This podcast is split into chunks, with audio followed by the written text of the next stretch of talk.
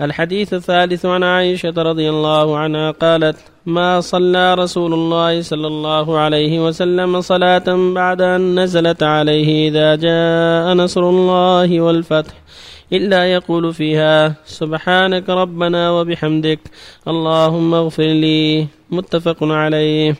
وفي رواية في الصحيحين عنها رضي الله عنها قالت كان رسول الله صلى الله عليه وسلم يكثر أن يقول في ركوعه وسجوده سبحانك اللهم ربنا وبحمدك اللهم اغفر لي يتأول القرآن.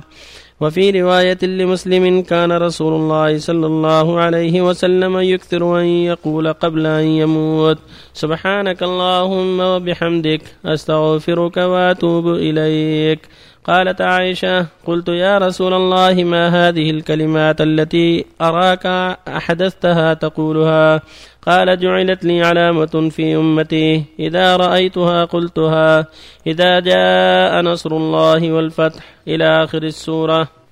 وفي رواية له كان رسول الله صلى الله عليه وسلم يكثر من قول سبحان الله وبحمده أستغفر الله وأتوب إليه. قالت قلت يا رسول الله أراك تكثر من قول سبحان الله وبحمده؟ أستغفر الله وأتوب إليه. فقال أخبرني ربي أني سأرى علامة في أمتي فإذا رأيتها أكثرت من قول سبحان الله وبحمده أستغفر الله وأتوب إليه.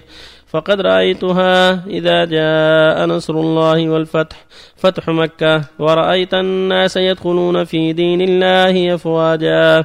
فسبح بحمد ربك واستغفره إنه كان توابا. الرابع عن أنس رضي الله عنه قال إن الله عز وجل تابع الوحي على رسول الله صلى الله عليه وسلم قبل وفاته حتى توفي أكثر ما كان الوحي. متفق عليه.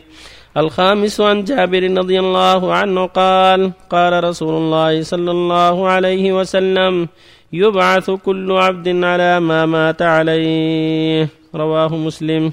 وبالله. بسم الله الرحمن الرحيم. الحمد لله وصلى الله وسلم على رسول الله وعلى آله وأصحابه ومن اهتدى بهم. أما بعد فهذه الأحاديث التي قبلها فيها الحث على العناية بالأعمال الصالحات والإجتهاد في الخير عند تقدم العمر. الإنسان يحرص على متابعة الخير حتى يختم حياته بالعمل الصالح. كل ما زاد العمر زاد في العمل. هكذا ينبغي المؤمن. والذين جاهدوا فينا لنهدينهم سبلنا. من عمل صالحا من ذكر أو أنثى وهو مؤمن فلنحيينه حياة طيبة ولنجزينهم أجرهم بأحسن ما كانوا يعملون. سابقوا إلى مغفرة من ربكم وجنة عرضها كعرض السماء والأرض.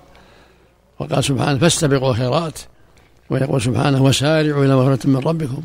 فالمؤمن يسارع ولا سيما كل ما تقدم العمر يحرص على متابعة الأعمال الصالحات والاستكثار منها حتى يكون ذلك أوفر لأعماله الصالحة وأوفر لحسناته وأعظم لأجره.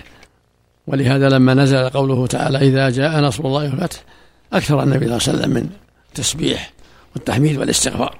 وقال إنها علامة أمرني ربي إذا رأيتها أنك أن أسبحه وأستغفر. وهي نصره على المشركين وفتح مكة عليه. ودخول الناس في دين الله أفواجا. كان صلى الله عليه وسلم في آخر حياته يكثر من التسبيح والتحميد والتكبير ويكثر من قول سبحانك اللهم ربنا وبحمدك اللهم اغفر لي في ركوعه وسجوده. يتأول القرآن يعني يعمل به يعمل به يفسر القرآن بعمله. وفي آخر حياته تتابع الوحي عليه الصلاة والسلام لإكمال الرسالة. كذلك حديث جابر يبعث المرء على ما مات عليه. إذا كان الإنسان يبعث على ما مات عليه وهو معلوم فجدير بالمؤمن أن يحرص على الاستكثار من الخيرات حتى يبعث على ذلك. كل إنسان يبعث على ما مات عليه من خير وشر.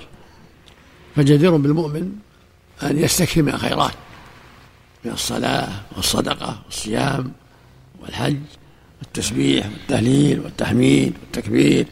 قراءة القرآن اتباع الجنائز عيادة المريض إلى غير هذا من وجوه الخير. يستكثر. حتى يختم حياته بأحسن ما يجد وبأكثر ما يجد من الخير. رزق الله جميع التوفيق والهداية. آمين.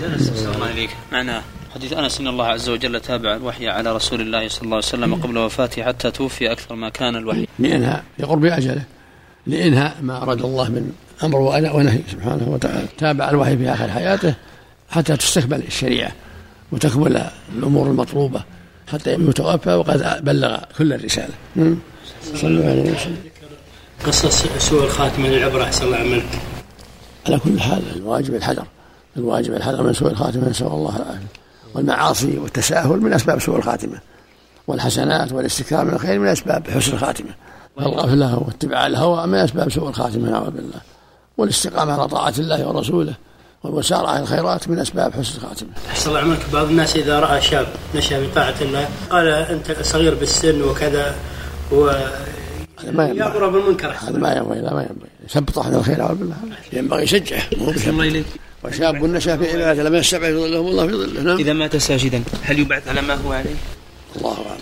يبعث على الأعمال الصالحة مع كون الساجد. الله يبعث على الأعمال الصالحة اللي مات عليها السلام عليكم. أعمال كذكر قصص يعني سوء الخاتمة في أشياء صلاة أعمال من باب التحذير مثل ما ذكر قصص حسن الخاتمة سوء الخاتمة كذلك للترغيب والترهيب.